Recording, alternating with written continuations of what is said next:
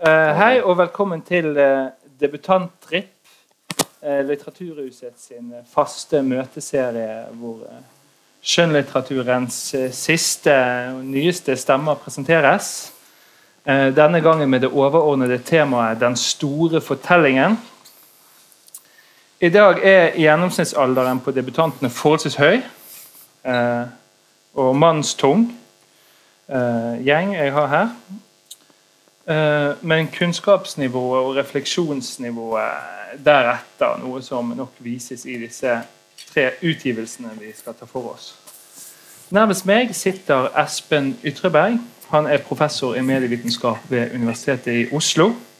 I hvilken rolle han også har forfattet flere sakprosautgivelser. Eh, og flere kjenner han kanskje også som skribent i flere aviser.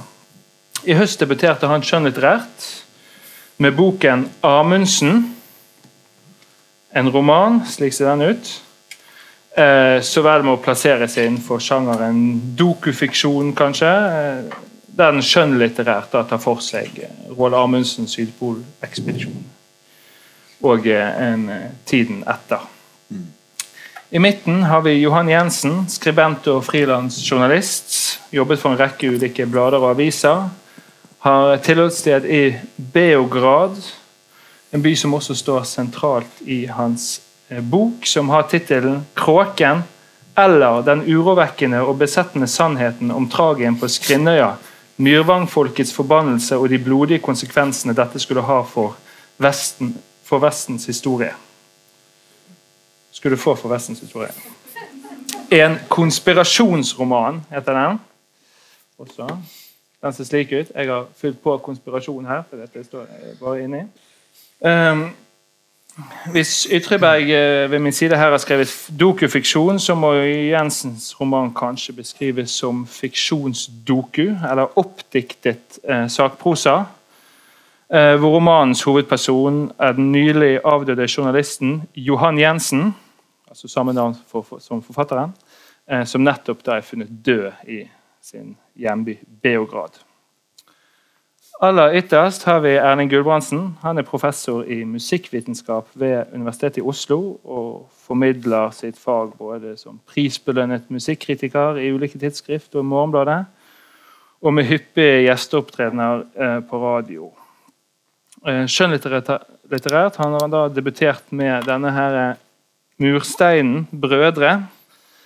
En ambisiøs familiesaga, kan vi kalle det. Ja. Litt tvilende til det. Hvor vi da følger karakteren Helge sitt tilbakeskuende blikk etter å ha mottatt et mystisk postkort fra Nepal. Men det skal vi komme tilbake til. Eh, mitt navn er Erlend Lisberg. Jeg er student og skriver litt litteraturkritikk for Bergens Tidende. Eh, Kanskje en innledende applaus for uh, forfatterne og debutantene vi har med oss. Jeg tror vi må applaudere sjøl, så det blir litt, det blir litt lyd. Ja, ja, det er sant. Eh, strukturen for samtalen, som vanlig under disse debutanttripparrangementene, Jeg begynner å intervjue hver enkelt uh, forfatter om deres respektive bøker. Og ber dem lese et kort utdrag, og deretter skal vi da forsøke å ta litt tak i denne her tematikken, da, den store fortellingen.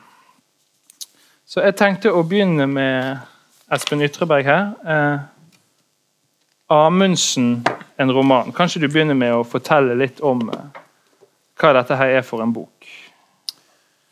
Dette her er en bok som handler om eh, Sydpolerobringen i 1911.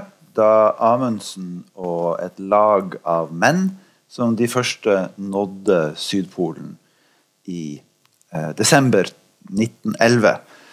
Og så handler det om tida etter, da Amundsen kom hjem og uh, skulle fortelle om hva det er som hadde skjedd. Og det å fortelle om det var ikke bare et spørsmål om å si fra, men også om å turnere. For han holdt foredragsturneer uh, i Norge og i utlandet og i Europa og USA. Uh, han var en slags turnerende artist. Det var der han fikk pengene sine fra. Eh, sånn at har, Den boka der den går litt sånn fram og tilbake mellom det å eh, gjøre en sånn erobring, og det å fortelle om det i etterkant. Mm. Du har jobbet med Amundsen tidligere som Mm. medieviter og skrevet en del artikler om denne her Sydpolerobringen som eh, mediehendelse. Ja. Eh, Hva er det som er så fascinerende med Amundsen og eh, Sydpolen? Altså, som fagmann så er jeg interessert i disse medietingene. da. Disse mediehistoriske tingene. Hvor viktig den var. Eh, og det så skrev jeg fagartikler om det. Og så underveis, gradvis så å si, så begynte jeg liksom å tenke at hva, hva faen er det her for en fyr? Han er en blanding av en vanlig mann. Eh, en, eh, på, måter, på noen måter så er han ikke så veldig eksepsjonell. Så er han god på noen, grusomt god på noen måter. Han er god til å planlegge lange turer. Er helt ekstremt god til å planlegge lange turer. Og så har han en sånn brennende ambisjon. eh, og en voldsom selvhevdelsestrang. Og eh, alt dette kan man lese ut av liksom, sakprosa, kilder og historie. og sånn. Og På et visst tidspunkt så begynte jeg å tenke at ok, en vanskelig og sterk og komplisert karakter med et tilsvarende sterkt prosjekt, det er jo det råmaterialet som man lager fiksjon av. Eller for å si det på en annen måte, klarer du ikke å lage interessant fiksjon av noe sånt, så kan du skylde deg sjøl. Mm, Ja, Det er jo en sånn mangefasettert uh, skikkelse vi møter uh, Ja. i boken. Ha, eh, Nansen stilles jo kanskje i et mer fordelaktig lys, nærmest. Som en sånn frisk, Ja. Altså- sympatisk type, da. Ja, ja, ja kanskje. Nansen var jo altså, i, I isen så var Nansen vanskeligere å ha med å gjøre. Nansen, Nansen gikk jo gikk jo i oppløsning et par ganger og bare flykta på en måte fra situasjonen. Eh, noen av dere vet kanskje at han dro, til, eh, dro mot, eh, forlot Fram og dro mot Nordpolen med Hjalmar Johansen i en litt sånn halsbrekkende greie. Eh, Det, det lyktes ikke overhodet. Han var ikke i nærheten av å få det til. Hovedgrunnen til at han dro, er faktisk hovedsakelig at han orka ikke å være på båten lenger. Han ble gal av det. Og så holdt de på å dø på, på, på veien tilbake. og sånn. Så Det er enormt mye av dette her som er uh, det jeg skriver om, som er liksom folk som bringes helt på kanten av det de uh, av det de orker, og på kanten av det menneskelige, og på kanten av hva liksom, den rasjonelle hjernen kan tåle før den bryter sammen. Der var Amundsen vel så sterk som uh, Nansen. Selv om Amundsen også ble, eh, liksom ble brakt til kanten noen ganger, og det behandler jo boka om. Men ellers så er de ut, så utrolig forskjellige. Jo nærmere du kommer Nansen, jo mer utrolig virker det at en sånn mann fantes. Han var Han, han eh, jeg, kan, jeg har aldri sett på maken til eh, talentfullt menneske. Han, ut, han, han skrev to doktorgrader. Det er jo ikke engang det vi, det vi vet om han, at han var vitenskapsmann. først og fremst. Han skrev to doktorgrader som begge er blitt eh, eh, er liksom kjernebidrag på hver sine helt forskjellige vitenskapelige områder. Og det er i tillegg til at han, han er kjent som en humanitær mann, i tillegg til at han er kjent som Og han var diplomat, toppdiplomat var han. Og så satte han seg innimellom ned og tegna, og visst faen var han dritgod å tegne. Altså, en sånn, jo nærmere du kommer inn på han, jo mer fælen blir du. Amundsen var en, i sammenligning var en vanlig fyr. Mye mer et, et vanlig menneske. Men så er jo også det 20. århundre snakkes jo gjerne om som det vanlige, den vanlige manns århundre. da. Og eh, jeg syns det er fascinerende ikke sant? at en mann som er hovedsakelig vanlig, selv om han har noen eksepsjonelle talenter, eh, ble en sånn nasjonal ikon. ikke sant? Og, og, og, og, bar sånne nasjonale stolthetsfortellinger på sine skuldre. da. Mm. Du bygger jo på et voldsomt stort kildemateriale.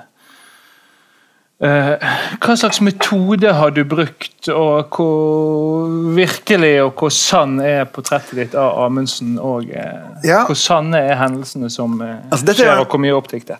Dette er en historisk roman. Og de, en vanlig oppskrift på en historisk roman det er at du, du går ut fra et faktabasis. Du leser deg opp på kunnskapen, og så dikter du på toppen av det. Og det er i hovedsak det jeg har gjort.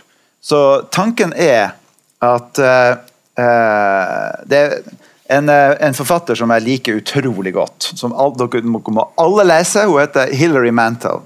Hun har altså skrevet så gode historiske romaner at man kan, man kan bli helt syk av misunnelse. Hun sier at uh, den, den, eneste regelen er at du skal bruke den beste kunnskapen som er tilgjengelig, og at conjecture, altså det at du, at du beveger deg over i det hypotetiske og det fiksjonelle, det skal være plausibelt. Og det skal være grunnlagt i the best facts one can get.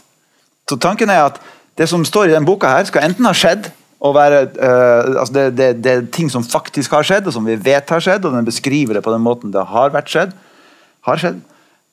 Og alt det som er dikta på toppen, det skal være plausibelt. Sånn at folk som kjenner fakta, skal være ideelt sett tvunget til å si jo, altså, dette er jo dikta, men det kunne ha skjedd sånn. Mm. Det er ikke noe med det vi faktisk vet, som gjør det eh, Som gjør at diktningen er, er, umulig, eller ulogisk eller utenkelig. Nei. Det er ingen eh, Amundsen-nerder som arresterer deg i, i etterkant av utgivelsen? Jo, og det er fordi og det, Grunnen til det er at uh, Amundsen det, Dette snakka vi om uh, før, for han, uh, han her snak, skriver om andre verdenskrig. og Polarhistorie litt som andre verdenskrig. Da, da kommer nerdene og tar det. Og de vet alltid mer om det enn det om en eller annen detalj. men da, da, må man jo bare akseptere det. Og, og jeg, har, jeg, har, lest meg gjennom en masse materiale. Jeg har prøvd å være veldig streng. Jeg driver ikke på driver ikke altså Eh, hvis, hvis det, jeg driver ikke på å, å, å, forandre personlighet på folk. Jeg driver ikke å flytte på datoer. Som, når man vet at de dro den 13.9. klokka 10 om morgenen, og da var det gråvær, så skriver jeg det. Mm. Da skriver ikke jeg at det var sol, og jeg skriver ikke at det var den 12. Kanskje du kan uh, lese litt uh, ja. et utdrag? Skal Kan du ta min eh, Ja, der må du unnskylde de kritiske notatene. Eh, jeg kan jo eventuelt lese høyt ja, også. Det dukker opp underveis. Det er en farlig Jeg trodde dere skulle ha med egne bøker. Jeg tenkte jeg skulle ta altså Den boka handler jo liksom om forholdet mellom det å erobre og det om å fortelle om erobringen. Mm. Så jeg tenkte jeg skulle ta en bit som handler om uh, fra slutten da, eller fra, fra, fra, fra, slutten av boka, som handler om det øyeblikket hvor eh, Amundsen har, uh, han har vært på Sydpolen, de kommer tilbake, uh, de kommer til sivilisasjonen. Det De drar det de drar til det første stedet som har telegrafmast. Det er det som er greia, for da kan du sende nyheten. Og, og når vet du at du har erobra Sydpolen? Ikke når du har vært der, av grunner som jeg kanskje kan komme tilbake til. men når du har kommet til telegrafen og sendt beskjed, og får beskjed tilbake om at beskjeden er mottatt, og at ingen andre har vært der først. For dette er jo en konkurranse. Det er, jo, det er jo, mange som konkurrerer om å være først til det stedet.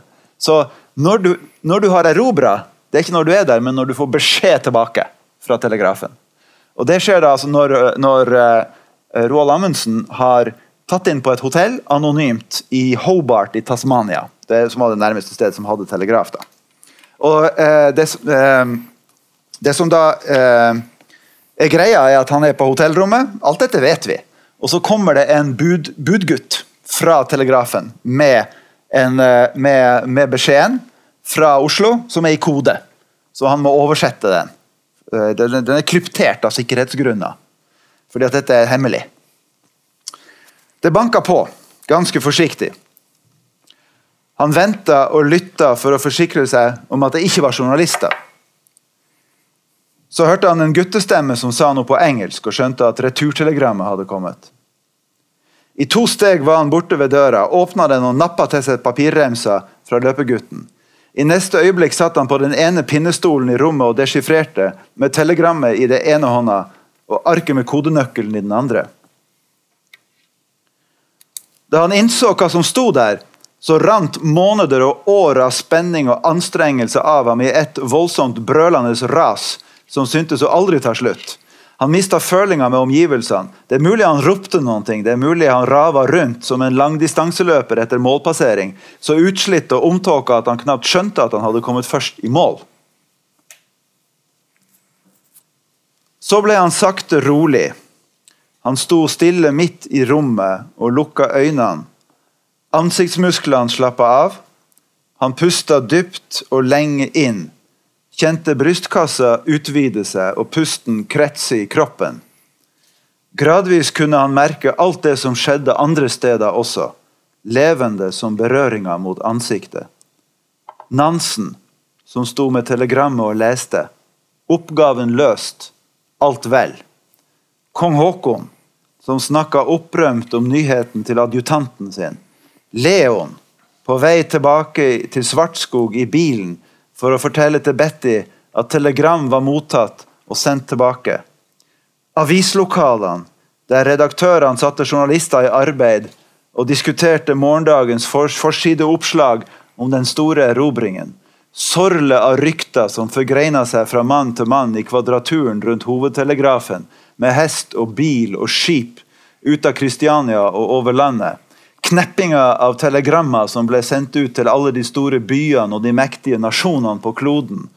Telegrafens vekslinger fra elektrisitet til magnetisme idet magnetfeltet i mottakerapparatet ble aktivert og et mekanisk stempel stansa ut morsemeldingen på en remse papir.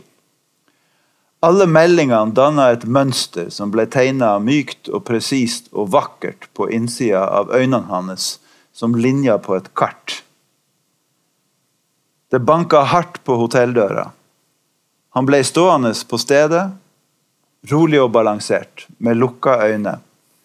Øyeblikket, øyeblikket strakte seg ut foran han, uten ende.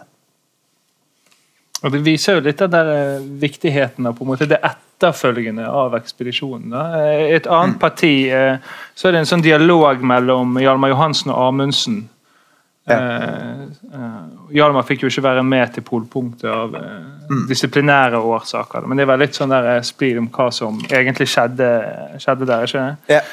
Men, og, så spør Hjalmar Amundsen om hvordan det var. Ja. Og så når Amundsen har fortalt det, så sier han bare Det høres ikke ut som det var det helt store. Ja. Og så får vi følge da tankene til Amundsen slik, da. Nei, på sett og vis var det vel ikke det helt store, sa han men følte, et, men følte seg ett sårbar og ville forklare også for Hjalmar at høydepunktet ville være når folk fikk vite. Ja. ja.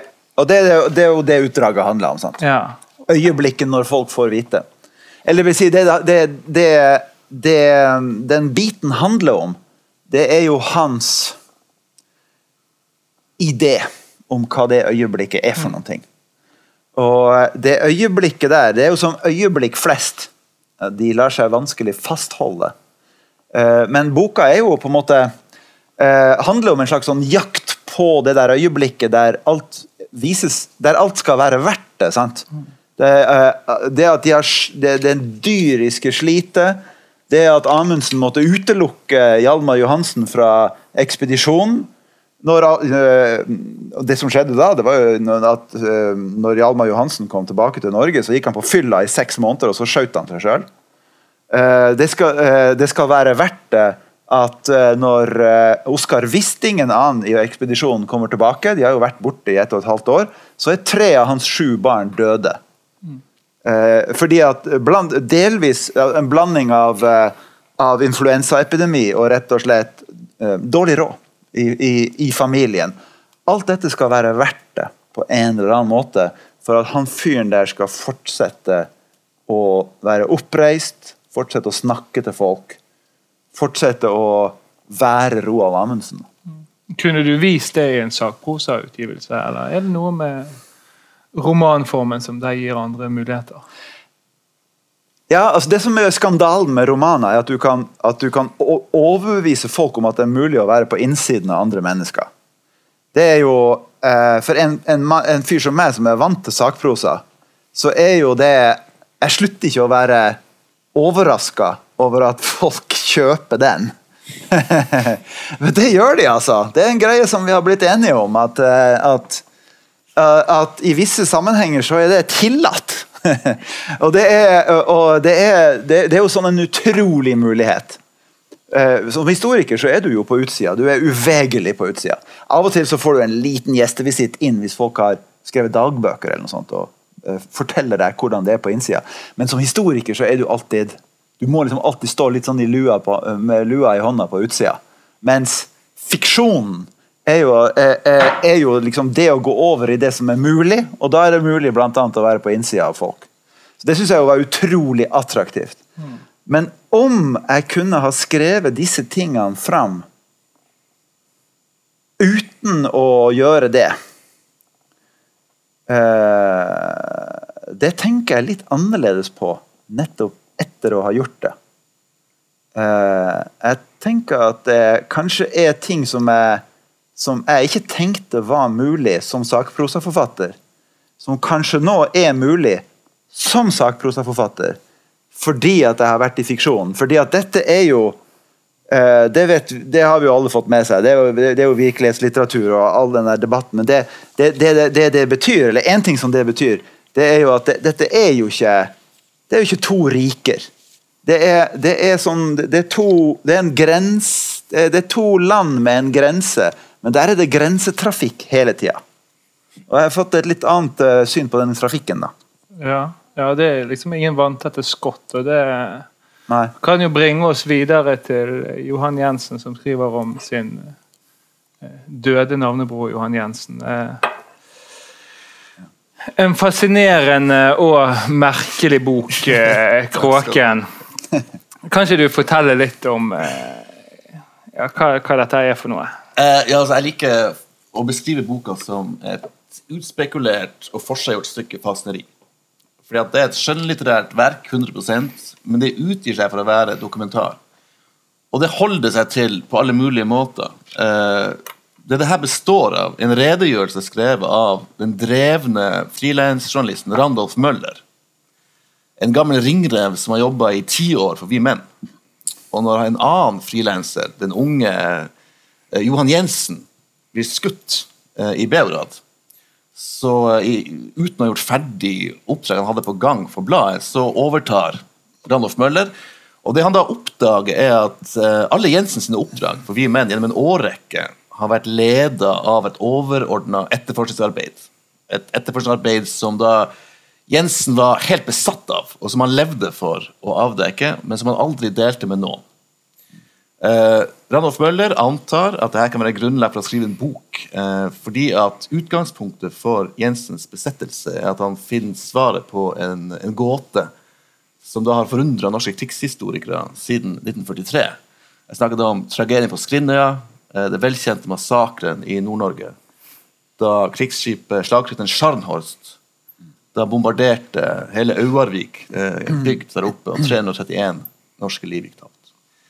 Uh, en sånn hendelse som det står i boken. sånn Alle kjenner jo til den. Det, det, altså, Hver leser går inn på sånn Google. Jeg, jeg, jeg, går ut ifra at alle, alle kjenner, kjenner, til den, selv om vi ikke er i Nord-Norge. Uh, og det, altså, for, grunn, Grunnen til denne massakren var da at en, en uh, selvstendig snikmorder oppe på Skrinøya, hvor Tyskland hadde et stort anleggsarbeid, hadde da begått en, en rekke attentater. Fant aldri, de fant aldri ut hvem han var, men det her har da altså Jensen funnet svaret på ved en tilfeldighet.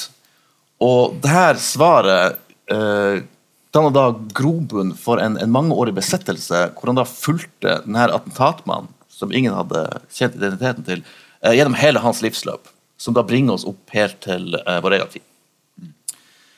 Ja, for historien da går jo videre til England og Argentina. Og... Den, den, går, den, går, over alle de plassene Jensen reiser som journalist. Det, det bringer, altså Utgangspunktet hans er at han sitter i London, den unge skribenten, Eh, og skriver og sliter og sliter for å finne gjennombruddet.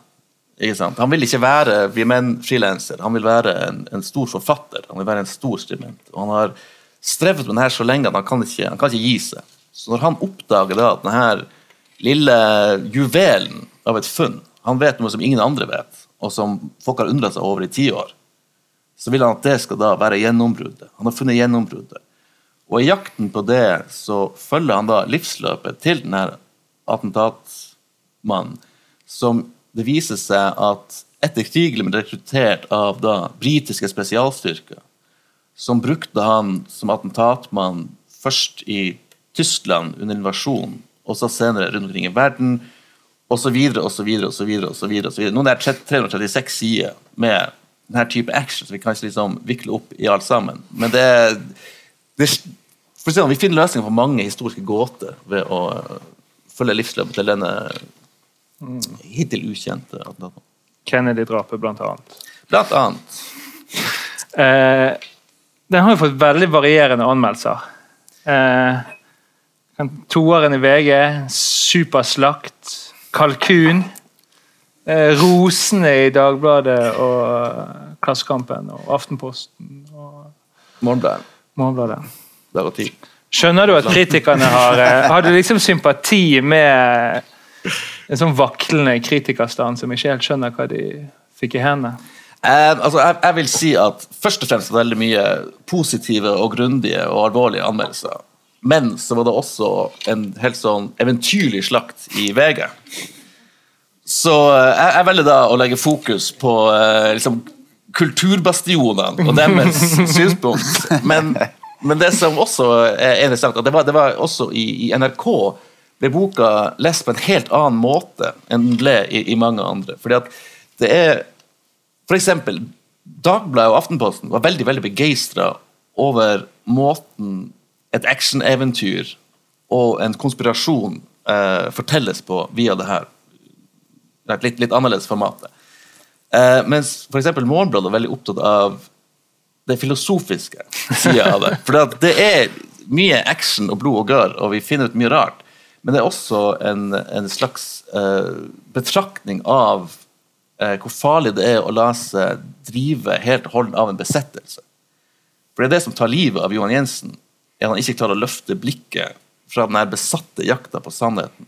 Og mange av de andre eh, rollefigurene faller nede i den samme, samme tunnel. sånn at Du har utgangspunktet da, den her skribenten som bare vil bli bare vil skrive seg til gjennombruddet, og som har satsa alt på det. Og når da han får sjansen, så, så kaster han seg ut i det. Og Det var da, da en del andre eh, kritikere via seg til. Men, men det at det var eh, slakt i VG og, og sånn, samtidig som det var, var ros andre plasser, er jo egentlig noe som jeg, jeg synes bare er morsomt, for det viser at boka har for Jeg skrev den liksom med håpet om at den skal kunne leses på forskjellige måter, forskjellige lesere, og det illustrerer jo det veldig, veldig klart. da. Eh, Vil du kanskje lese litt uh, Eh, ja. selv? Hva, hvor, er, vil du si hvor vi skal eh, få høre fra i Eh, I dag går vi til forordet, forordet? Ja, hvor det, eh, vår forteller Randolf Møller redegjør for utgangspunktet med hans befatning med stoff. Mens jeg var i kontakt med Jensens foreldre, kom hans far Gjermund til å nevne at sønnen hadde jobbet ivrig med en bok om krigens dag. Etter at jeg hadde skrevet ferdig artiklene, leste jeg gjennom noen skisser Jensen hadde etterlatt seg i boden til foreldrene. Jeg fikk først inntrykk av at han hadde jobbet på en bok om et svært så konvensjonelt tema for en vi-menn-skribent. Tragedien på Skvinnøya. Det verste overgrepet Norges sivilbefolkning ble utsatt for under den tyske okkupasjonen. Jeg kontaktet forlaget, og vi ble enige om at det kunne være grunnlag for en bokutgivelse. Igjen må jeg medgi at blest rundt drapet på Jensen nok bidro til å overbevise redaktøren om at boken kunne ha et kommersielt potensial. Foreldrene ga sin fulle støtte til prosjektet og hjalp meg å grave frem Jensens kildemateriale. Men det skulle snart vise seg at det han hadde arbeidet med, slettes ikke var noen oppskriftsmessig beretning om norsk krigshistorie.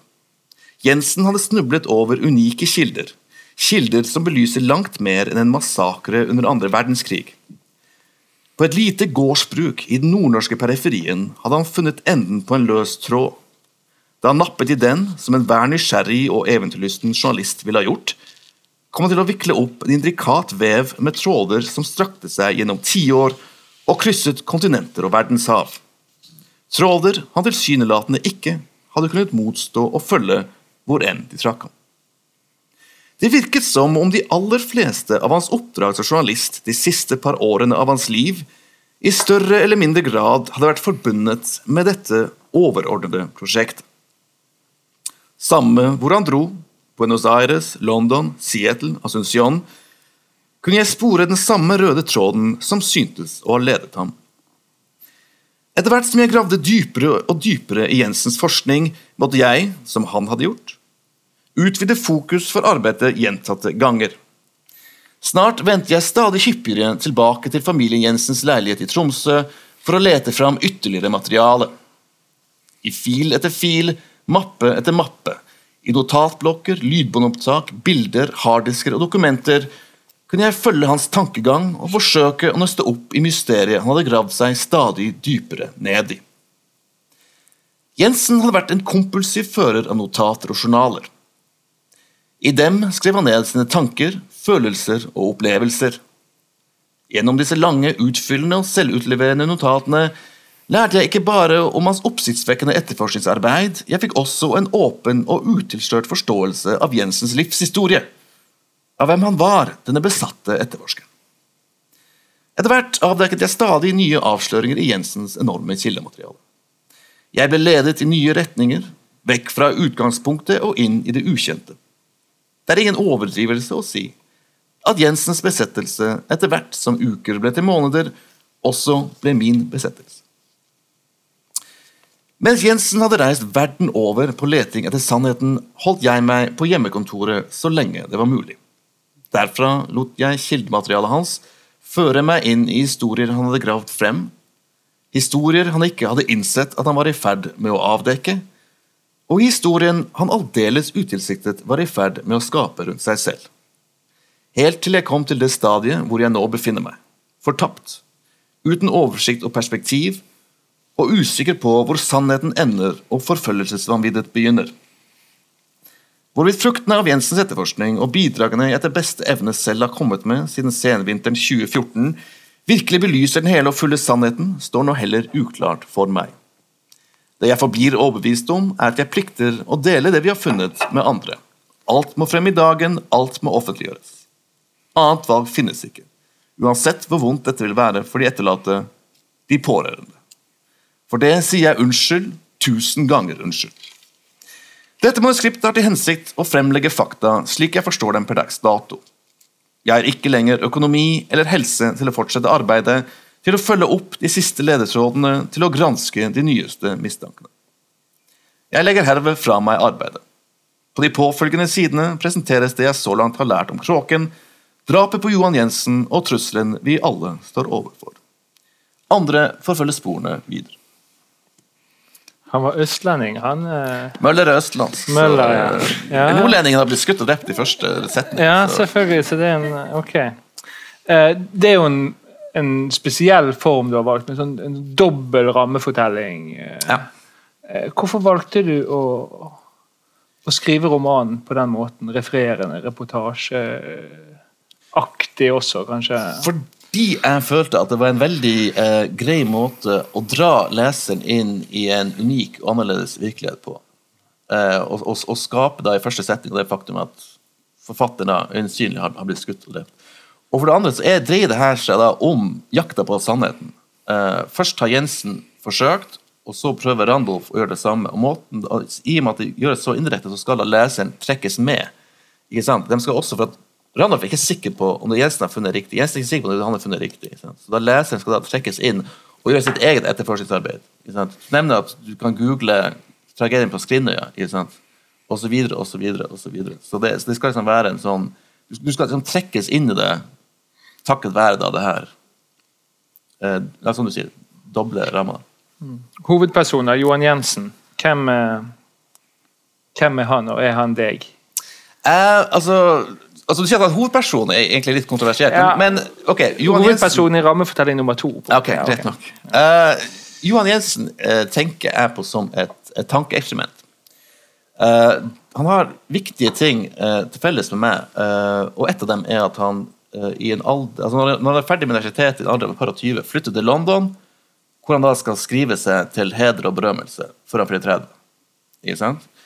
Og han sitter der, og han sliter, og han sulter, og han ofrer alt for da å skrive seg til et stort gjennombrudd, for da skal alt bli flott, og han ofrer og ofrer og ofrer. Jeg gjorde nøyaktig det samme, eh, med like mye hell. Men etter noen år, og etter at liksom har gått i London og sultet, så, så skjønte jeg at ok, det her er ikke måten å gjøre det på. Eh, Det her kommer ikke til å skje. Jensen. Du, du kan like greit prøve på noe annet og bli journalist osv. Så, videre, og så, videre, så det Jensen er, han er et tankeeksperiment. Hva, hva hvis jeg ikke hadde løfta blikket da? Hadde blitt sittende på, på liksom, den ekle lille hybelen hans i London og streve og streve og streve og bli mer og mer håpløs.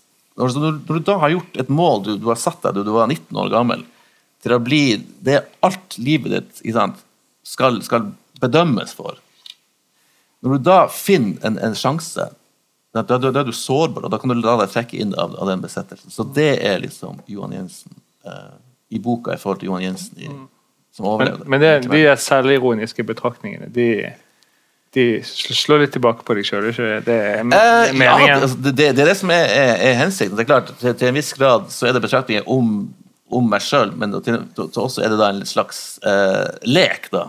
For at alle kan jo tenke ok, det, det, sånn var jeg i, da jeg var så så gammel. og Jeg tror de aller fleste av oss vil se den som er voksen her. Eh, Kan se tilbake på en yngre utgave av seg sjøl og tenke hva hvis jeg tatt det valget istedenfor det? Det var et sliding doors-øyeblikk på forskjellige plasser, plasser i livet, og det er jo veldig morsomt å se tilbake på seg sjøl og kanskje flire av seg sjøl og tenke ok, hva hvis jeg gjort det eller, eller eller. Men hvis vi går eh, kort til da bokens egentlige hovedperson, Ja. kråken de Krahe. Vrana. Ja, Vrana, ja. Er det også. Eh, hvordan er ja, Kanskje du egentlig skal fortelle litt om hva han Han har jo en sånn motivasjon for det han gjør. Han har jo en sånn eh, Altså, Nærmest en ideologi, eller iallfall en Um, altså, er hovedpersonen i, i, i boka er en ung gutt eh, som heter Aron Ramsvik under krigen i Nord-Norge. Og eh, Aron er, er utstøtt. Han er hittebarn som aldri, aldri finnes det plass i det her lille, sammenknytta eh, puritanske bygdesamfunnet på, på Skrinøya. Eh, og når krigen kommer til, til Nord-Norge, så bygger tyskerne ut eh, De bygger en stor fangeleir på Skrinøya og skal bygge en molo der. Eh, de frakter inn jugoslaviske krigsfanger i, i hundretall, som da blir misbrukt på det mest groteske. Eh, de jugoslaviske krigsfangene, det var over 4000 av dem som ble brakt til Norge under krigen, ble brakt dit for å bli tatt livet av, i motsetning til de sovjetrussiske som var her som, som arbeidskraft. 15 år gammel bevitner han det her. Han ser det, og han hater ondskap. Og han hater at sambygdingene tar jobb på byggearbeidet, at de tjener penger, at de bidrar. Og som protest til det begynner han å skyte tyskere. Og hans motivasjon er at han blir venn med en av jugoslavene, og han anser seg sjøl som en partisan. Som en av Titos partisaner under krigen. Og han vil kjempe som dem. Det er utgangspunktet hans. Når han så da blir rekruttert av britisk etterretning, så gjøres han da For han er jo fortsatt fremdeles bare en 17 år gammel gutt. Men hans fabelaktige evne til å drepe blir da utnytta eh, veldig kynisk da, av Storbritannia, eh, som bare gjør han til et våpen. Ikke sant? Eh, og liksom overser alt annet. Og når han da innser, mange tiår senere, at uh, hans arbeidsgivere da har, har sveket hans opprinnelige ideal, som var partisanenes kamp, så vender han seg der mot britene og, og går til, til blodhevn. Det er liksom Aron, Aron Ramsvik sin, sin historie, da, som, som Jensen uh, nøster opp i. Og, og, og, og Møller da redegjør for oss om. Jeg tror vi skal gå videre. Det er jo litt sånn blodhevn i din eh, roman også, Gulbrandsen. Eh, nærmest brødre. Jeg har ikke lyd, ja, så jeg kan ikke svare på det. Har ikke du lyd? Ja, nå eh, Men vi, vi er jo ikke så mange. Ja, det drukner liksom ikke i tøy. Eh, kan ikke du fortelle litt også, jeg stiller, sier det samme til deg, ja. hva dette her er for eh, roman? Ja, altså Det er jo flere typer roman i én roman her. da. Dette er på over et halvt tusen sider. Så det er, For det første er det det man kaller en murstein. Til skrekk og advarsel, eller til glede for de få som fortsatt liker å gå inn i et univers hvor de kan være i lang tid. Ikke sant? Det er noen som liker 'Ringenes herre' eller veldig lange kinofilmer eller veldig lange alle slags uh, uttrykk. Men uh, det er en oppvekstroman. øh, kanskje. Det er, øh, det er en roman om tre brødre som er født på begynnelsen og slutten av 60-tallet, og som da som vi følger gjennom 60-tallet, 70-tallet, 80-tallet, 90-tallet, 00-tallet og fram til det såkalte 2010-tallet. Eh, Men vi følger dem ikke kronologisk, og vi følger dem ikke ut, utfyllende. Men det er jo ikke det som er poenget. Poenget for meg er at jeg, jeg er interessert i dynamikken i en familie som har de beste forutsetninger. Altså tre gutter og en far og en mor. Ressurssterke folk. Men hvor det er et element som er dysfunksjonelt i den familien. Eh, Det er noe med måten faren opptrer på overfor sine gutter, som gradvis eh, Og dette har jeg fra andre da, som har lest boka, som kan bekrefte dette. Og som gradvis, altså Det blir gradvis mer og mer tydelig at denne faren han, han tråkker sine egne små gutter og sine egne tenåringsgutter ned for å hevde seg sjøl i en form for maktkamp som, som er eh, etter hvert blir mer og mer eh, eh, destruktiv. Ja, det, er det er ikke mye ros å få. Eh, Nei, blant eh, annet. da. Og det er, det er jo sånne ting. Altså, det er ganske viktig. Altså, oppveksten til, til mennesker, ikke bare sønner, da, som i dette tilfellet brødre, men, men også jenter, selvfølgelig. Døtre. Oppveksten er eh, Den kan liksom ikke overvurderes når det gjelder betydning for hvem man kanskje er i stand til å bli. Så jeg, er interessert i den, det kammerspillet der. Mellom en far og en mor og disse guttene. Og hvordan det utvikler seg. eh, og de får jo kjæreste etter hvert, disse sønnene. De kjærestene blir behandla på merkelige måter av denne faren. Og etter hvert så får det, blir det til noen, barnebarn der og sånn, men det, det, er, det, det baller på seg. Så jeg, jeg er interessert i det der lang, langdistanseblikket på utvikling av, av, av personlighet, av karakter, av relasjoner. Så det er det boka handler om. Og så får man disse tidsbildene, da. 60-tallet. Mm. Altså hva slags tyggis man kjøpte på kiosken, og, og hvilke band du hørte på tidlig 70-tallet, eller ikke sant? Du får alt det der ved siden av. Den er jo spekket med referanser til alt eh, Helge, som da er romanens hovedkarakter, og, og som forteller, leser og hører på. og eh, Det er så utrolig mye referanser og kunst, og særlig da musikk og litteratur. Og han blir jo også en eh, eh, litteraturprofessor da, som eh, skulle vel ønske at han var musikk, eh, professor i musikkvitenskap. nesten. Er det, er det sånt alterego eh, på noen, noen måte inni, inni det? Det er veldig viktig å ikke forveksle denne hovedpersonen med meg. Nei, Altså, Jeg er ikke med i denne boka. nei men et alterego er er jo Ja, ja. Nei, altså Poenget her det er Er det lyd, forresten? Hører dere ordentlig? Ja. ja. Eh, poenget her er at eh, denne Helge, som han heter Han kan være til, til forveksling lik meg på noen punkter, øh, kanskje. Men han sitter jo der mange, mange år etterpå, i året 2013, på et hotell oppe i Brønnøysund. Og med Mac-en på det ene kneet og whiskyflaska i den andre hånda, og, og prøver å huske hva som har skjedd.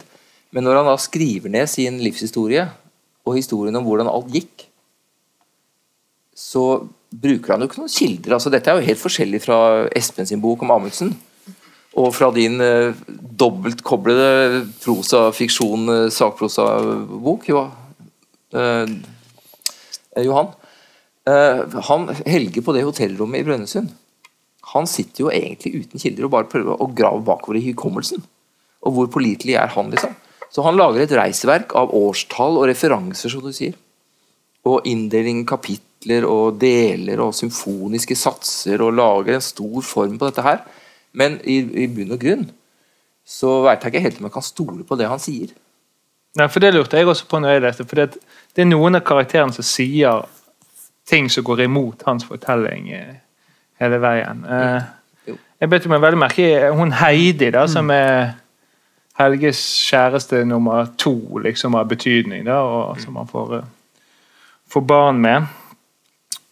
Eh, hvordan, for hun er det jo moren som er liksom den eh, verste. Eh, eh, men det er noe sånn determinert over moren. Også. hun også, hennes ga, Hun også blir jo gal pga. han der eh, pappaen på en eller annen måte. Jeg vet ikke hvor jeg vil med dette Jo, spørsmålet. Ja. Ja, men du, Er ikke det interessant, da? Altså, her, her sitter Helge, ikke sant? en av de av den midterste gutten, da, og har en veldig veldig uh, klar oppfatning av hva som er problemet. Og det er selvfølgelig faren. Og så kommer hans kone da inn, og hun blir jo etter hvert psykolog ikke sant? og blir profesjonell. Og, og hun blir dratt inn i denne familien her, helt, helt til det skjærer seg. Det, det kan ikke fortsette.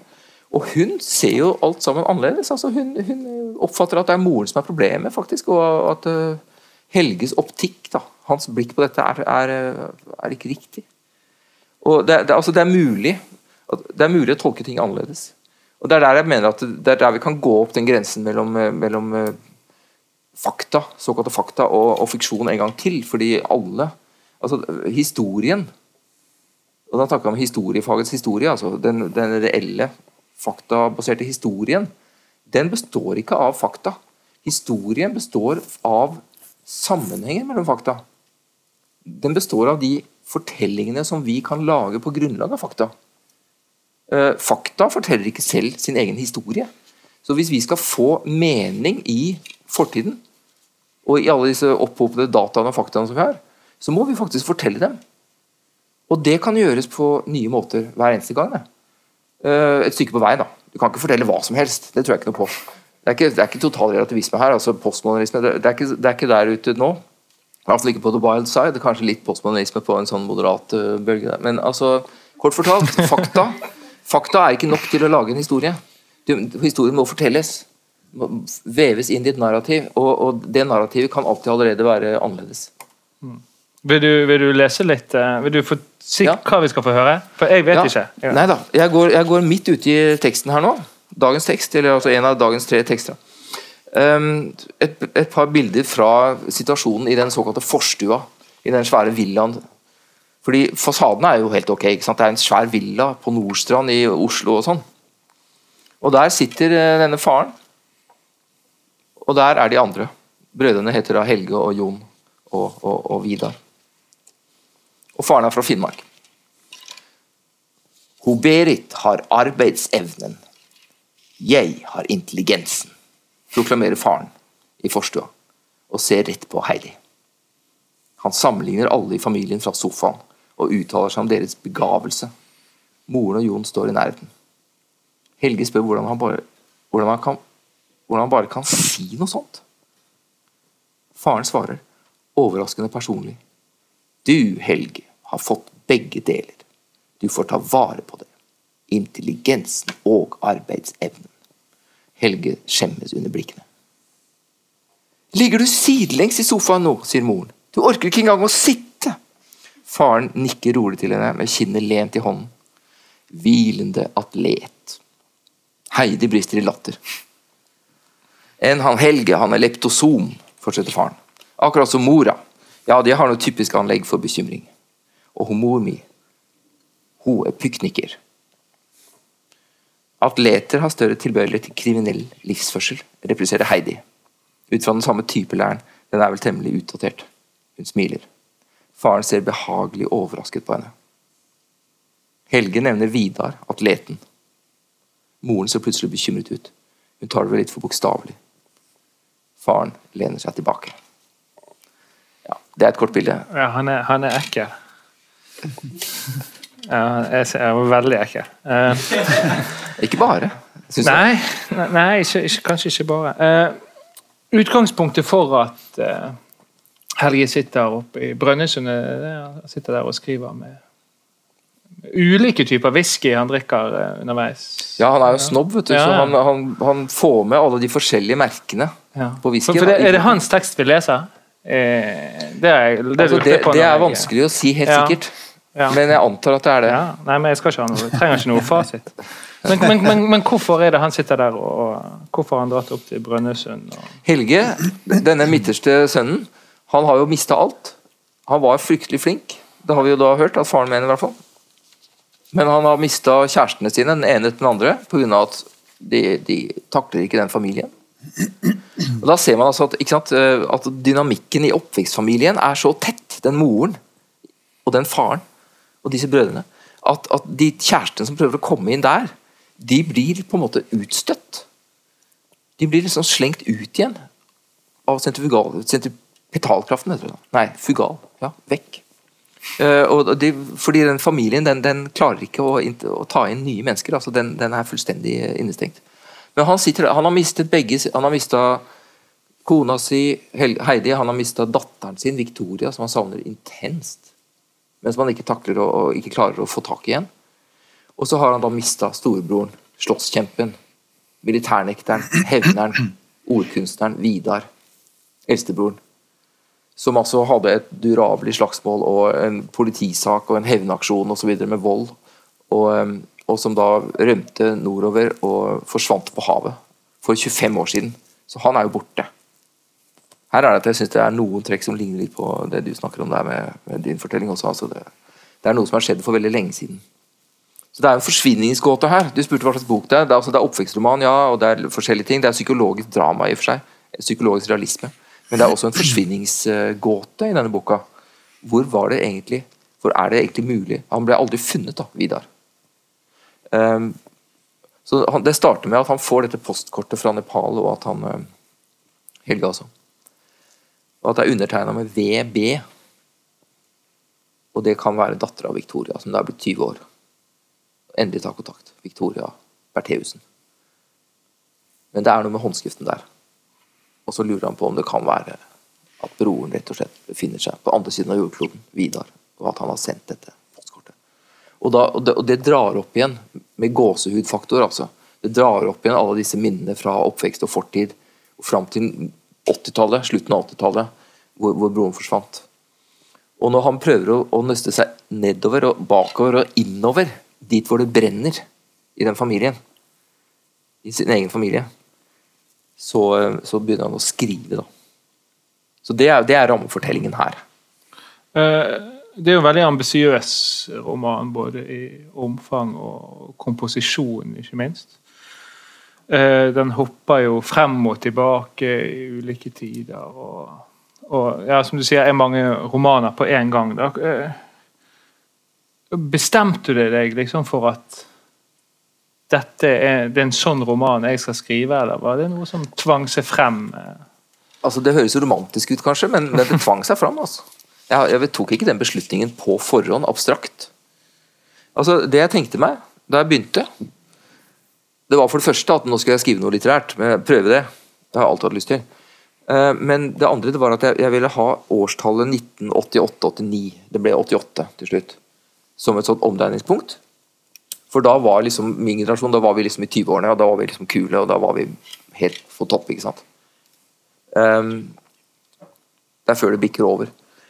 Jeg ville ha det, det årstallet der, og så ville jeg ha bakover i tid, altså mot 70, bakover mot 70-tallet, 60-tallet, som sånn tilbakeblikk, og så vil jeg ha nåtidsplanet, som var 2013, eh, som er motsatt eh, ikke sant, symmetrisk.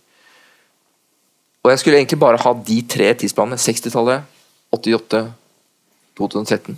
Men så ble det nødvendig å fylle inn litt mer, og så ble fleshing out, som det heter på engelsk. altså Det ble mer og mer eh, eh, kjøtt på beina. Eh, det var ikke planlagt sånn, og forlaget hadde jo også innsigelser. da. For jeg hadde jo et manus på 850 sider. Så vi, vi, skar, vi skar ned en del, og jeg måtte kille noen darlings, som det heter på norsk. Han forsvarer sin størrelse, vil jeg absolutt eh, si. Eh, Jeg tenkte vi skulle gå litt over til det overordnede temaet for denne samtalen. da. Debutanttripp, den store fortellingen, er jo liksom det publikum her har blitt presentert for. Og I programmet så er det da en referanse da til forfatteren Jan Skjærstad sin artikkel eh, 'Den undervurderte fortellingen', som han skrev i Morgenbladet. Der han refererer da til et sitat av Hemingway, selvfølgelig kort og smart, og, med, og typisk da et råd eh, om hvordan bli forfatter. Have a story, tell it. Og Skjærstads poeng da, som er jo da at den første setningen 'have a story' er på en måte eh, ja, jeg vet ikke, ikke nedvurdert, men at det ikke er så mange som 'have a story' eh, i, av den nye litteraturen som kommer ut. Sant? Det er Tellit. Det er eh, post Knausgård. Ja, du skal jo være med på et sånt postlitterært eh, møte nå, så jeg i neste uke. Eh, post liksom Knausgård, så har liksom forfatterne der vendt seg innover mot seg sjøl og skriver om hverdagslige ting, og egentlig ikke har noe de skal si utenom at de er ganske gode på å si det. der, De går på skriveskoler og og det er sikkert bra, men det er vel litt av eh, kritikken til Kjærstad. At det rett og slett er for få spennende historier. Og så sa jo jeg i sted, når jeg bare Erling kom fra, fra fra sittet stuck i flyet på Gardermoen i en og en halv time, og så sa jeg sånn Jeg går jo fort gjennom spørsmålene, så sier jeg Men deres i bøker er jo plott det, det viktigste, eller iallfall veldig viktig. Eh, men det var ikke du helt enig i? Nei da. Altså, jeg er uenig med Hemingway, da. og da kan dere velge hvem dere stoler på. Av meg eller Hemingway. Men altså, My way or Hemingway. ja, er det Hemingway. Eh, nei, eh, jeg, jeg er ikke sikker på at man har en story først. Have it, og så forteller den. Jeg, jeg, jeg syns jo Jeg har opplevd Det kan dere være uenig i, men altså, jeg har opplevd at uh, skriveprosessen uh, skaper og artikulerer og former storyen. Så det, Den er ikke noe med å ha fiks ferdig på forhånd. Og Motpolen til det der, det er jo Dag Solstad, som sa på et eller annet tidspunkt at eh, det er for mange forfattere som, som har et stoff i gåseøyne. Og så skal de bare fortelle om det, så tror de at språket bare er en sånn transparent kappe som du kan ta på, og så er det stoffet som eh, kommer fram. Men for Solstad, som er motpolen til dette, så er det jo språkarbeidet som er poenget.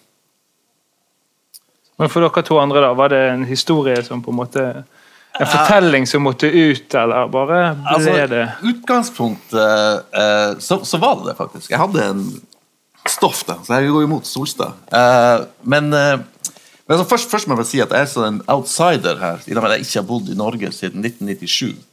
Så jeg kan liksom ikke kommentere noe som helst om norsk uh, samtidslitteratur. Men bare for meg, bare denne boka, da, så det var noe av inspirasjonen nettopp det at jeg hadde reist rundt i, i hele verden for alle de her bladene i, i så mange år og hatt opplevd så mange spennende ting og, så, altså, og lært så mye. da Og liksom ikke hadde noe større produkt, ikke hadde liksom delt noe mer av det enn da artikler som da i enkelte tilfeller var veldig overfladisk, andre ganger liksom bare var en smakebit osv. videre, Og og et av utgangspunktene for hele, hele boka var da et tankeeksperiment hvor jeg tenkte ok, hva om Jensen istedenfor bare å reise rundt fordi han syntes det var morsomt, hadde vært på jakt etter noe mer. ikke sant? Hadde, hadde, og så, så da begynne å tenke på hva kunne, hva kunne liksom ha ført en, en person fra sant, London til Seattle, til Asunción, til Buenos Aires osv. Hva kunne ligge under? Og da kommer vi inn i denne konspirasjonen, og så kommer det liksom mer Og da kommer veldig mye da, altså, mens man ikke sant, Fra den det lille frøet så spyr det opp en helt annen historie. Jeg hadde ikke det i hodet mitt da jeg satt meg ned for skrivemaskinen.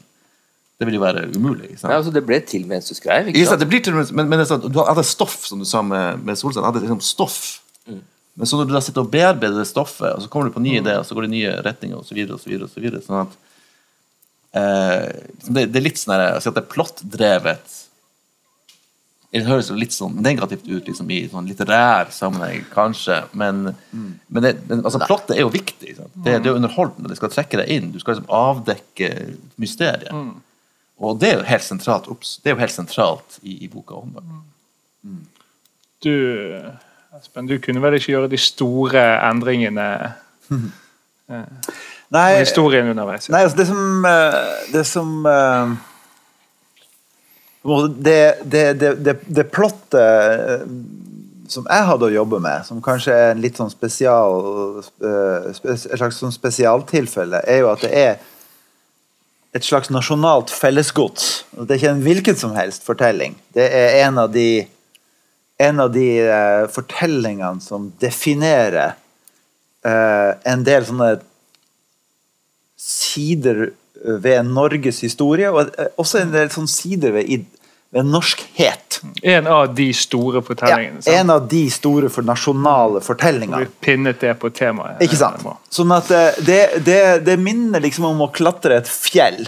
Et sånt, et sånt blått fjell. Du kan ikke begynne å late som om ikke det er der, eh, og som om ikke det har en grunnleggende betydning. Men, eh, men for meg så er det, det, det er helt avgjørende det er hva slags perspektiv legger du så på det. Og det er eh, det, er det som spiller en rolle. Og da går du over, eller i hvert fall gikk jeg over, fra, fra det, det derre mest generelle, uh, som er liksom det, det å det, uh, Erobringen mot det og den nasjonale uh, i det nasjonales tjeneste. Det er liksom den store greia. Og så gikk jeg over på helt sånn minimale ting. Eh, hvordan ser det ut på eh, den sentrale innlandsvidda eh, på Sydpolen? Den er helt hvit, den er helt flatt. flat. Det er, det er veldig høyt. Så du har, du har sånn dotter i ørene, eh, på, på grunn av, og, det, og, og du blir litt sånn, ja. Du, man blir sånn lett, man blir sånn svimmel, fort svimmel. Det er veldig vanskelig å skille natt fra dag. Det er ofte veldig vanskelig å se horisonten. Ofte kommer det dårlig vær, og da vet du nesten ikke hva som er opp og ned lenger. Sånn at alle de der tingene som er helt konkrete og veldig sanselige, eh, tenkte jeg at da skal jeg skrive om det. Så skal jeg skrive om hvordan er det å leve med det. Og så skal jeg legge til noen situasjoner som er eh, krevende. Så skal jeg bygge det opp den veien. Og da ender, man, da ender jeg jo på en eller annen måte til slutt eh, i den nasjonale fortellingen. Men det står ikke så veldig mye om den der. Det står, når, på Sydpolpunktet, når de står her på den høysletta, står det at han eh, han prøvde å tenke på flagget. Og? Du står der og skal eh, De skal ta et bilde, ikke sant? Han- Hold, han må- Holdningen, det? ja, ja, holdning. Ja, De må ta et bilde, fordi at de må ha et bilde å vise fram. Fordi at de må, uh, fordi at de må ha bevis, og de må ha inntekter. Da må du ha bilder. Uh, og så skal du stå der og skal du så, uh, liksom hilse mot teltet, men eh, han får jo ikke til å tenke på Norge. Hvordan i svarten tenker man på Norge, egentlig? Ikke sant? Han begynner å tenke på telt i stedet. Han begynner å tenke på hvordan det er å ligge i et telt. For det har han gjort. Og det er viktig. Følelsen av å ligge i telt. Eh, En annen ting jeg har lyst til å spørre dere om, det er at dere kommer jo alle tre liksom, eh, fra utenfor det litterære feltet. Eh, Johan var jo litt inne på det, men hva tror dere det har gjort med Har har det hatt betydning for bøkene dere har skrevet? tror dere? Erling? Ja, det tror jeg. Altså, da jeg var eh, raddis på, eh, på Blindern som student, på av, altså da jeg var i slutten av 20-åra, så var jo jeg veldig interessert i modernisme. Og likte ikke i det hele tatt altså, jeg, jeg, jeg var jo jeg var jo fly forbanna ja, når jeg fikk, eh, jeg fikk Seierherrene og Beatles og de bøkene der i fanget fra tanta mi, da, som var interessert i litteratur og sånn. Det her må du lese, veldig, veldig og Herbu Wassmo og sånn. ikke sant? Så sier jeg men faen, jeg kan ikke skrive sånn det er i 1988. Det kan. Det er jo gammeldags, stor fortelling. Hallo. Og jeg, jeg prøvde å lese fransk nyroman og avantgarde og holdt på med ikke sant? Og James Joyce. Ikke sant? Særlig Ulysses. da. Finnegan's Wake er uleselig, det kan jeg bare si. Det det, det er ikke for mennesker. Men, men altså, jeg var der et sted den gangen. Uh, og så kommer jeg tilbake til dette mye lenge etterpå nå, og skriver sjøl. Og da, da har jeg et helt annet sted, både i synet på litteratur og i livet. Så nå, nå syns jo jeg at uh, hvis du ikke kan fortelle en fortelling, for å si det med en pleonasme, fortelle en fortelling, da, da, da er det ikke så veldig mye å bite i for leseren, liksom. Da blir det, da blir det lite spennende, altså. Så jeg har flytta meg mange desimeter innenfor litteraturfeltet. På, på de åra der. Så jeg hadde ikke noe imot det, altså. men samtidig så, så, så tviler jeg jo på den fortellingen som jeg da lager. Altså, jeg, jeg klipper den opp helt, klipper den nesten i stykker. Og, og lar den bli fortalt av en fyr som er på sammenbruddets rand, og som egentlig går under. Han går dukken. Og Det viser jo hvordan det står til med fortellingen. Den, den er ikke til å stole på i det hele tatt. Og den er ikke bra. Ambivalens. Mm. Hva tenker du eh, om det å stå utenfor og så tre inn i det skjønnlitterære selskap? Ja, altså, nå, nå kan du si at eh, som, eh, som eh, professor i medievitenskap ved Universitetet i Oslo, så er jeg så kulturelite at det er jo verdens korteste på en måte klassereise. Er- Det det, det, det er tre skritt. Eh, men eh, men eh, men skjønnlitteraturen er en egen stamme i Norge. Det det, det, og eh, eh, den er veldig, er veldig annerledes. Uh, jeg har jo fått like mye oppmerksomhet for denne boka som for mine fem tidligere uh, sakprosabøker til sammen. Jeg tjener dobbelt så mye. Kontraktene er mye bedre. Uh, og og folk eh, behandler meg på en helt annen måte. Eh, altså, for romanen er en slags sånn kongesjanger. I Norge har vi bestemt oss for av en eller annen grunn. Det er ingenting som er så stas som roman. Eh, og det er, det er en liten gjeng i Oslo som eh, som, eh, som liksom sirkulerer i en sånn tight liten ball rundt Seesteds plass. Som, eh, eh, der Gyldendal på den ene siden og Aschehoug på den andre siden. Og så er det, eh, så er det en gate med, som er ca. to meter brei innimellom. ikke sant? Og, og, og der sirkulerer de, vet du. Og, og Det er vi, må du jo si nå. ja, vi, ja. ja, ja. Altså, jeg, jeg, er jo, jeg er jo mye mer insider enn outsider, men jeg er akkurat så mye insider at jeg syns en del av disse tingene er veldig pussige. Og det er eh, eh, det, det, det er fryktelig interessant å se de der uh, eksempel den enorme kontrasten mellom salg og prestisje. Vi selger jo veldig veldig lite. Ikke så lite som, eh, som diktsamlinger, for de selger jo snittmessig nesten ingenting. Men vi selger jo lite, men det er masse prestisje. Masse oppmerksomhet. Eh, nå har vel vi vært relativt heldige. Eller dyktig, eller en eller annen blanding. Men, eh, men eh, du får masse oppmerksomhet, masse prestisje. Så det er sånt, en, en sånn sirkulasjon som i kroner er bitte liten. Det er, altså, det, det, det er en bitte liten sjappe vi snakker om nå, det kan jeg forsikre dere om. Men, den er, men den, eh, i kroner så, så, så er den lett som en fjær. Du får ikke laga du får, du får ikke laga mer, mer enn to episoder av noe bra TV-drama gjennom det budsjettet til et gjennomsnittsforlag.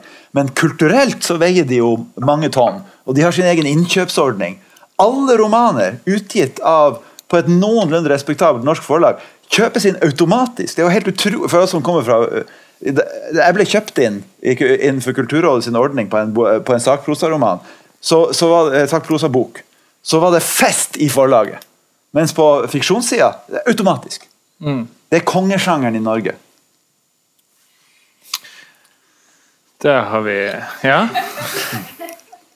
Nå kan dere, men nå kan jo dere gå rundt på Blindern dere to og si Der kommer romanforfatteren. Ja, det, det gir masse. Jeg vet, ja. ikke, jeg vet ikke hva du sier, Erling, men jeg, mener, jeg får et tonn av kred. Ja. Det, det er helt, helt urimelig masse kred man får for å gi skriveroman.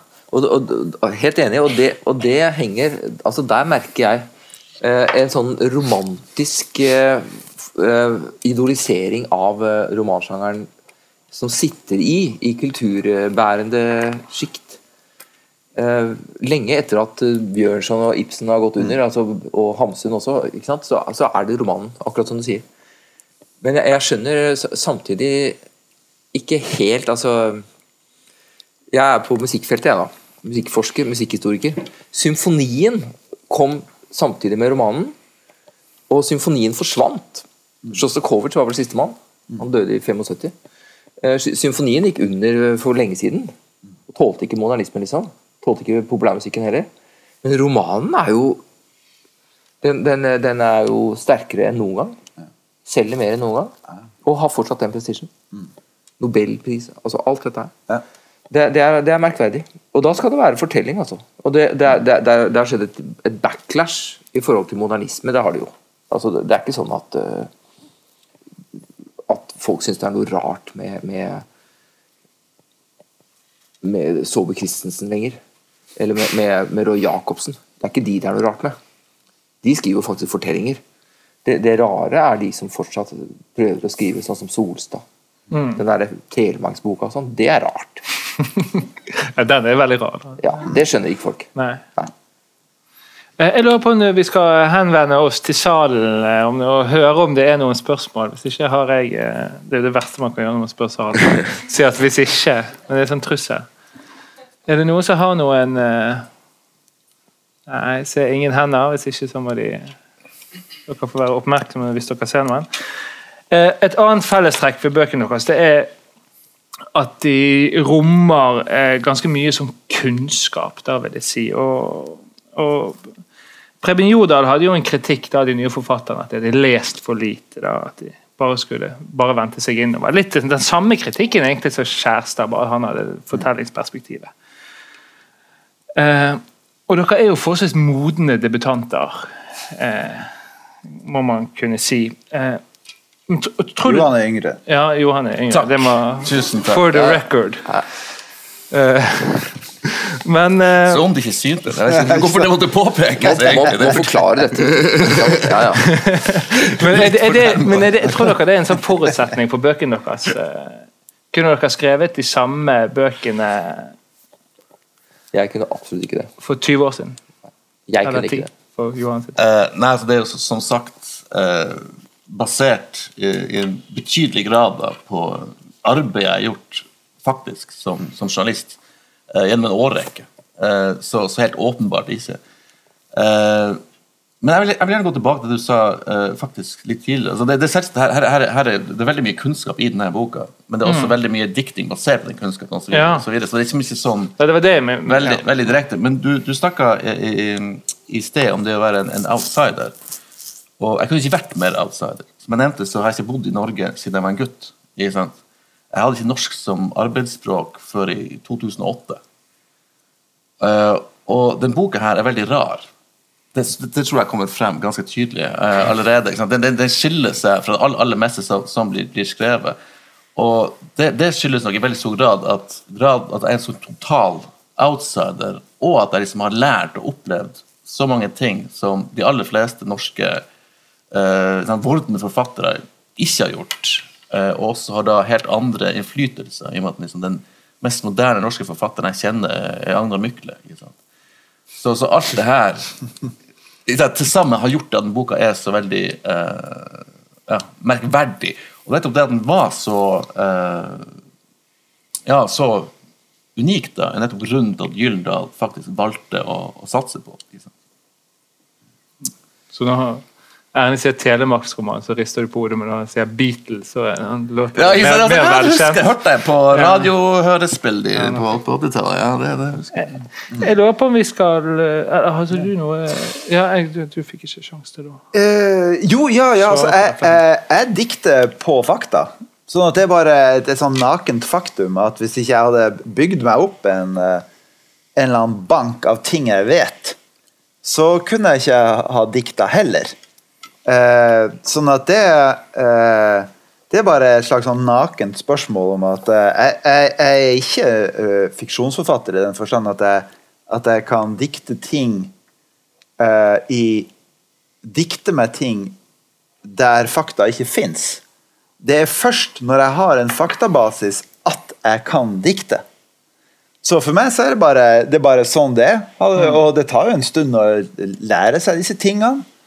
Men, eh, men, herregud, men altså, Rimbaud var jo ferdig når han var 21, eller hva det er. Så det er jo ikke sånn at man er nødt til å vente til man er, man er 50 mer generelt. Men jeg måtte jo gjøre det, for jeg måtte bygge meg opp det, de tingene jeg kan. eh, for å få skrevet det, det jeg skriver. Eh, jeg vet bare ikke noe om- ordentlig om hvordan ellers jeg skulle gjøre det. Nei, men Uh med referanse til Rambaud, så kan vi jo da gå inn på siste korte spørsmål, der dere kan svare ja, nei eller kanskje. Eh, kommer det en eh, ny roman? Eh, det kommer noe nytt ja. Oh, ja, det var na ja, nei, kanskje. Ja, nei, da blir det kanskje. Ja, da blir det kanskje. Ja. Eh, da takker vi eh, de tre debutantene. Espen Ytreberg, Johan Jensen og Det kommer noe nytt litterært. Ja, ok. Oi, oi, oi. Rambo. Og Erling Gulbrandsen. Og tusen takk til dere som kom og hørte på.